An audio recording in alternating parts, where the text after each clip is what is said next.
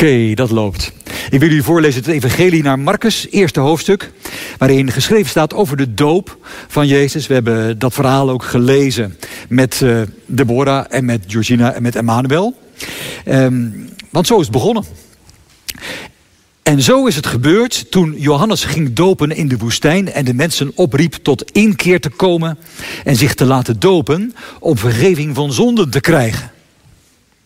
Alle inwoners van Judea en Jeruzalem stroomden toe en lieten zich door hem dopen in de rivier de Jordaan.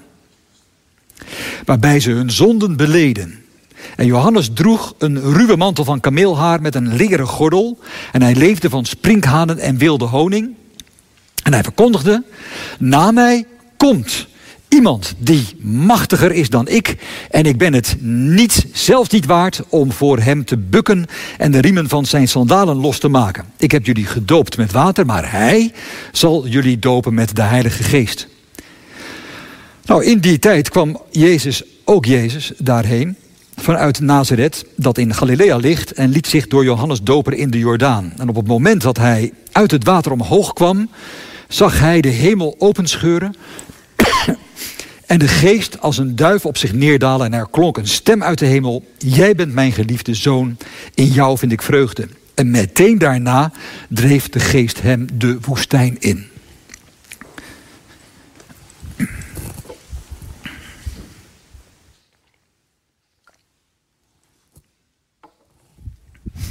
Broers en zussen, wij, uh, ik lees dit zo dit gedeelte aan jullie voor.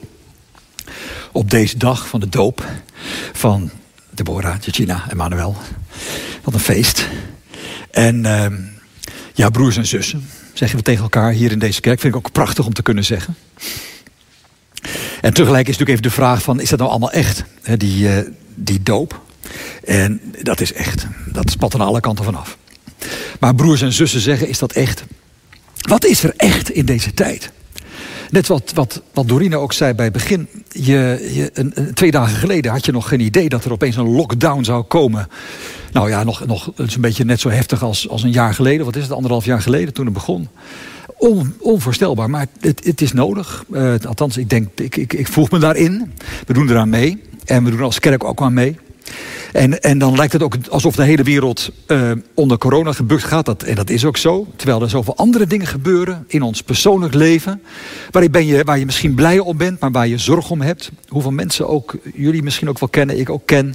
Die onder corona lijden. Of die juist in die corona-omstandigheden met een ziekenhuisopname zitten. Uh, maar ook het, het, het grote nieuws uh, van, van rampen. En dan, is het, dan, dan hollen we door naar kerst. Kerstboom staat er al en over een week is het kerst. Maar is dat echt? Um, de oude kerk, die heeft ooit die kerstdatum ingesteld. Dat, dat, vind je in de Bijbel niet terug, 25 december. We, hadden net, we kunnen misschien vanwege corona beter in de zomer kerst gaan vieren binnenkort. Dan kunnen we tussen massaal bij elkaar gaan komen. Voor de, qua Bijbel is er niks op tegen, dus we gaan het er maar eens met elkaar over hebben. Maar goed, uh, die datum komt dichterbij. De oude kerk heeft gezegd, als je kerst wil gaan vieren... de komst van het licht, de geboorte van de Heer dan is het wel goed om even de tijd te nemen. Om vier weken advent te nemen voordat je zomaar dat feest binnen dendert. Want, hoe zit een mens in elkaar? Een mens zit in elkaar, um, ja, met, vooroordelen, um, die vaak sneller zijn dan onze manier van denken. De, je hebt de Amerikaanse psycholoog, Nobelprijswinnaar van de economie, Daniel Kahneman of Kahneman, ik weet niet hoe je het moet uitspreken. Ik zeg altijd maar Kahneman, maar het zal anders moeten. Kahneman, ja? Wie zei dat? Kahneman is het? Oké, ik hoor hier eerst de, juiste uitspraak. Goed, die zegt, de mens heeft een, een snel en een langzaam brein. En het snelle brein, daar, dat moet, want je, je moet soms in een, je moet al die indrukken, je moet, je moet reageren, je moet uh, beslissingen nemen. Uh, maar dat doe je vaak op basis van vooroordeel. Van aannames, die meestal niet kloppen. Hij doet allerlei testjes, laat hij zien, dat je, dat je krijgt wat informatie. Op basis daarvan moet je een keus maken. Mensen maken eigenlijk altijd de verkeerde keus. En um, dat, dat is het snelle brein.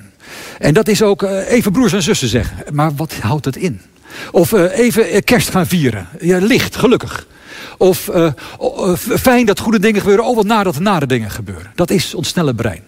De adventtijd is eigenlijk bedoeld om dat andere brein, die andere laag van ons leven aan te spreken.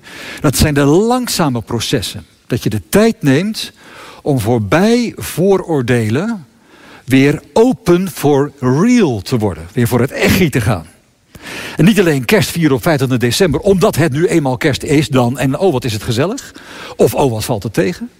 Maar proberen, misschien nu alvast kerst te vieren, maar in geval advent te zijn. De tijd te nemen om je voor te bereiden en het echte te kunnen gaan zien. Dat is ook wat Paulus schrijft in de brief aan de Filippenzen. Ik, het is een prachtige brief waarin, die, waarin waar het vol staat over uh, beleidenissen, over wie Jezus is en over hoe hij als een, een, dienaar gekomen is, een mens geworden is en dat, je, dat iedereen je vriendelijkheid kent en, en dat je vol van liefde bent. Maar hij zegt er ook bij in hoofdstuk 3 vers 12, niet dat ik al zover ben en mijn doel al heb bereikt, maar ik doe mijn uiterste best. Nou dat is geloven à la Paulus, dat is ook geloven à la Advent. Het is goed dat er een adventstijd is waarbij je even de rust, de tijd neemt om vooroordelen opzij te zetten. Niet te denken in schema's, maar te bedenken, maar hoe kom ik nou Jezus werkelijk tegen? Wat is nou werkelijk het fundament onder mijn bestaan? Waar is die Heer nou? We hebben in zijn naam gedoopt. En het is geweldig en dat is echt, het is doorleefd. En hoe kunnen we dat nou met z'n allen delen? Nou, daar nemen we de tijd voor. Ik ga geen hele lange preek houden hoor, wees gerust. We hebben al heel wat tijd met elkaar gehad het is gewoon goed ook. Maar toch even naar deze tekst. Want in de doop van Jezus komen drie dingen tegen. Die heel belangrijk zijn volgens mij. Om Jezus ook in het echt, open for real, tegen te komen. Het eerste is dat Johannes de doper zegt. Kijk, ik ga dopen, uh, maar na mij komt iemand die machtiger is dan ik. Daar kun je alles over zeggen, maar ik wou even bij dat komen uh, stil blijven staan. Want dat is een kwaliteit van Jezus. Jezus is de komende. En dat houdt in dat als je zegt, ik heb Jezus te pakken, ja, dan heb je hem half. Want hij is ook altijd komende. Hij komt naar Johannes toe. Zodra hij gedoopt is, is hij gelijk weer weg de woestijn in.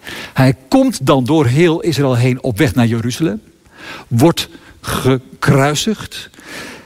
Ook dan houden mensen hem niet vast. Hij staat op, hij verschijnt, hij komt naar leerlingen toe. 40 dagen lang uh, hemelvaart. Dan wordt er tegen de leerlingen gezegd: Hij komt terug. Wacht op zijn komst. En dan tussentijds hebben we de geest gekregen met Pinksteren, 50 dagen na Pasen. Om dat komen en het uitzien naar de komst, om dat, daar het mee uit te houden, daarvan vol te zijn. Van dat komen van Jezus. En dat maakt uit. Want kijk, als je zegt, wij zijn broers en zussen hè, hier in de kerk. En we menen dat echt. We proberen voorbij vooroordelen, oh dat is een man, dat is een vrouw. Of oh die ken ik wel, die ken ik niet. Oh die heeft veel geld, die heeft weinig geld. Oh die is hoog opgeleid, die is laag opgeleid. Oh die is vanaf het begin, die is net bijgekomen. Eh, dat soort bias, vooroordelen. Als we daar voorbij willen komen, maakt het uit. Je kunt dan namelijk proberen als kerk te gaan organiseren. Mensen, we moeten nog veel echtere broers en zussen met elkaar zijn. En daar, dat, is ook goed, dat moet ook. Hè. Ook, ook als bestuur. Uh, het bestuur is bezig om bijvoorbeeld ontmoeting ook te organiseren. Rond dat thema van man, vrouw, ambt. En hoe je er tegenover staat. Om met elkaar echt elkaar te ontmoeten. En ook de Bijbel te ontmoeten. En dan pas tot keuzes te komen. Op, op dat punt van man, vrouw en ambt. Uh, en toch heb je het dan niet. Wat belangrijk is. Is dat je in ontmoetingen met elkaar. Om te beginnen uitziet naar de komst van Jezus. Dat kun je niet organiseren. Dat heeft te maken met je geloof. Zoals Paulus zegt, ik ben er nog niet, maar ik doe mijn best om te kunnen grijpen. Het werkwoord kan ook betekenen begrijpen. Te kunnen grijpen, begrijpen, waarvoor Christus Jezus mij begrepen, gegrepen heeft. Um, hij staat open voor dat grijpen, begrijpen van Jezus. Als je mensen ontmoet en in de ontmoeting ervoor open staat. Waar zou Jezus hier nou zich laten merken, zich laten voelen, zich laten zich openbaren in een ontmoeting? Zit je neem je dat langzame brein met je mee, ga je voorbij de vooroordelen en ben je op zoek naar de openbaring van Jezus in iedere ontmoeting. Dat kost tijd. Dat is aandacht. Maar dat is ook open for real. Dat geldt, hetzelfde geldt ook voor dat kerstfeest. We kunnen zeggen die datum komt, maar als je op zoek bent bij het vieren, toegaan naar het vieren van kerst, de geboorte van Jezus, dat je je afvraagt en waar komt Jezus er dan nu ter wereld? In de dingen die ik meemaak, die wij meemaken in mijn ontmoeting. Kan het door mij komen of door een ander? Waar zit Jezus in die ontmoetingen? Hij is de komende. Dan word je broers en zussen. En dan wordt het kerst. Misschien wel op elk moment. Maar in elk geval iets om te vieren op 24 en 25 december. En sterker nog. Als je uitziet naar de komende van Jezus. De komende Jezus. Dan zie je ook uit naar die komende Jezus. Niet alleen hier in de kerk, maar ook buiten de kerk. Zodra je een stap buiten de kerk zet, kom je mensen tegen. Op je werk. Op school. Online natuurlijk. Op dit moment. Maakt niet uit. Ehm, in, in de essentiële winkels die nog open zijn. Je komt mensen tegen. En het eerste wat je altijd doet is heel snel oordelen. Dat is die, dat is die, dat is die. Je weet precies al, al heel veel dingen over mensen. Maar zoals Daniel Kahneman uh, heeft aangetoond, meestal zit je mis. En zie je het meeste over het hoofd. Bij al je voordelen. Je moet wel, maar neem eens even de tijd. En ga ook bij ontmoetingen, ook buiten deze kerk, op zoek naar, komt Jezus hier? Ook in naar voren. Is hij ook komend in deze ontmoeting? Dan ben je een missionaire christen, een missionaire gemeente.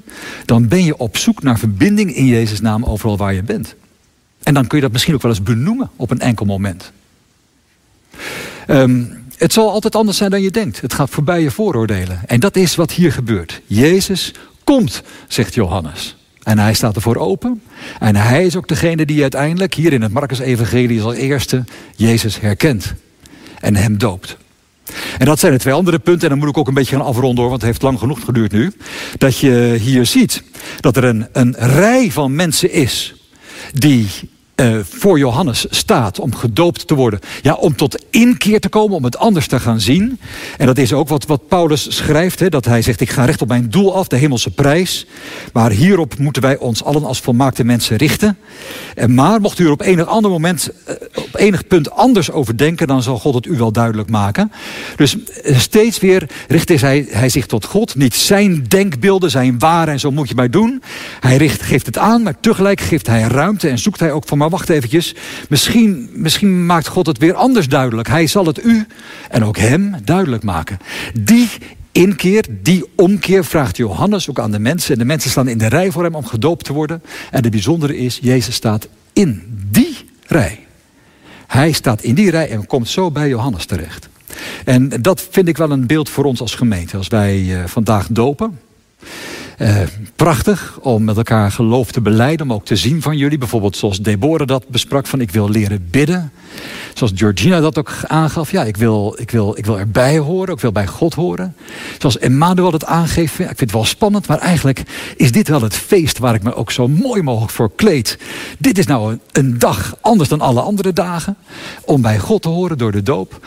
Dat is inkeer, omkeer. En daar herken je iets aan van, daar is Jezus in de buurt. En, en staan wij ook in die rij. Dat is in afval waarom we dopen, in het midden van de gemeente en niet op een dag apart. Dat is ook waarom in de eerste dienst er getuigenissen waren, die je ook op de Scipio-app kunt nakijken, van, van en van Joke. Die in het midden van de gemeente getuigen van, ik zat op een bepaalde manier in mijn leven vast, of ik had een bepaald patroon, maar ik ben omgekeerd. En daar kwam ik Jezus tegen en hij heeft mij gegrepen. Uh, het is dus, Jezus is de komende. Jezus is te vinden in de rij van mensen die op zoek zijn naar inkeer, omkeer, bekering. En tot slot, Jezus laat zich dopen. Dat staat hier ook. Hij laat zich dopen. En dan openbaart zich de hemel, die scheurt open. Voorbij de rationaliteit, voorbij alles wat je kan bedenken. Breekt God door in het leven van Jezus en wijst hem aan: Jij bent mijn geliefde mens en wie ik wel behagen heb. Nou, dat welbehagen, dat, dat, of waarin ik vreugde heb, wat staat er precies? Uh, even kijken hoor. Uh, klonk een stem, jij bent mijn geliefde zoon. In jou vind ik vreugde. En dat ik vind vreugde in jou is exact hetzelfde woord wat de engelen zingen op in de velden van Efrata. Van uh, ere zij God in de mensen van vreugde, van welbehagen. Hetzelfde woord. Um, in elk geval, het gaat me even om Jezus laat zich dopen. Jezus komt niet met een verhaal. Zo moet je geloven. Of dit is de waarheid en neem het maar even aan. Uh, nee, we, kunnen waarheden proberen uit te spreken. Zoals we ook vandaag het geloof beleden hebben met elkaar. En gezegd hebben, ja, ik geloof. Staande om jullie heen. Uh, en tegelijk, uh, Jezus laat zich dopen. Dat wil zeggen dat hij tot in het diepst van ons leven bij ons is en met ons gaat. Want dopen, dat is ook wat hij zelf ook later zegt tegen Petrus, kun jij de doop ondergaan die ik moet ondergaan? En dan duidt hij op zijn lijden en sterven en opstaan. En, uh, en Jezus, die is bij ons.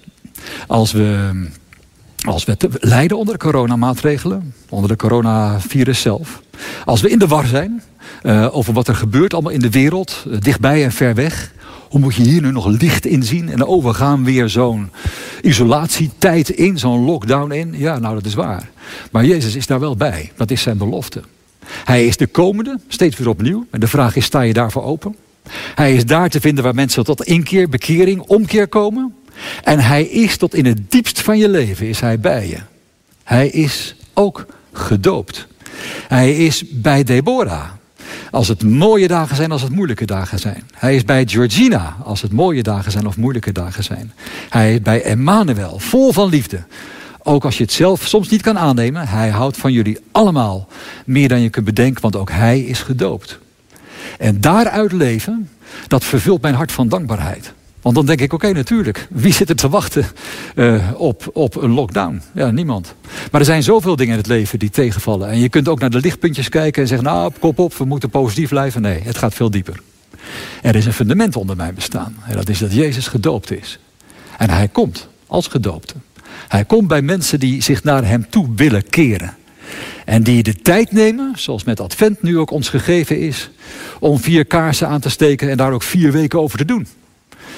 Het kost tijd. Zoals ook, uh, zoals ook uh, nou ja, blijkt. Hè, dat Emmanuel, Georgina, Deborah, zoals jullie vertellen, je groeit toe naar de doop. En daar zijn gesprekken, ontmoetingen voor nodig. Daar is bijbellezen voor nodig. Daar is dopen voor nodig. Daar zijn andere mensen om je heen voor nodig. Die je ondersteunen in die omkeer, die bekering tot die Jezus die bij ons is. En dan denk ik, ik ben dankbaar. Want Jezus komt om ons te verlossen. Amen. Laten we bidden.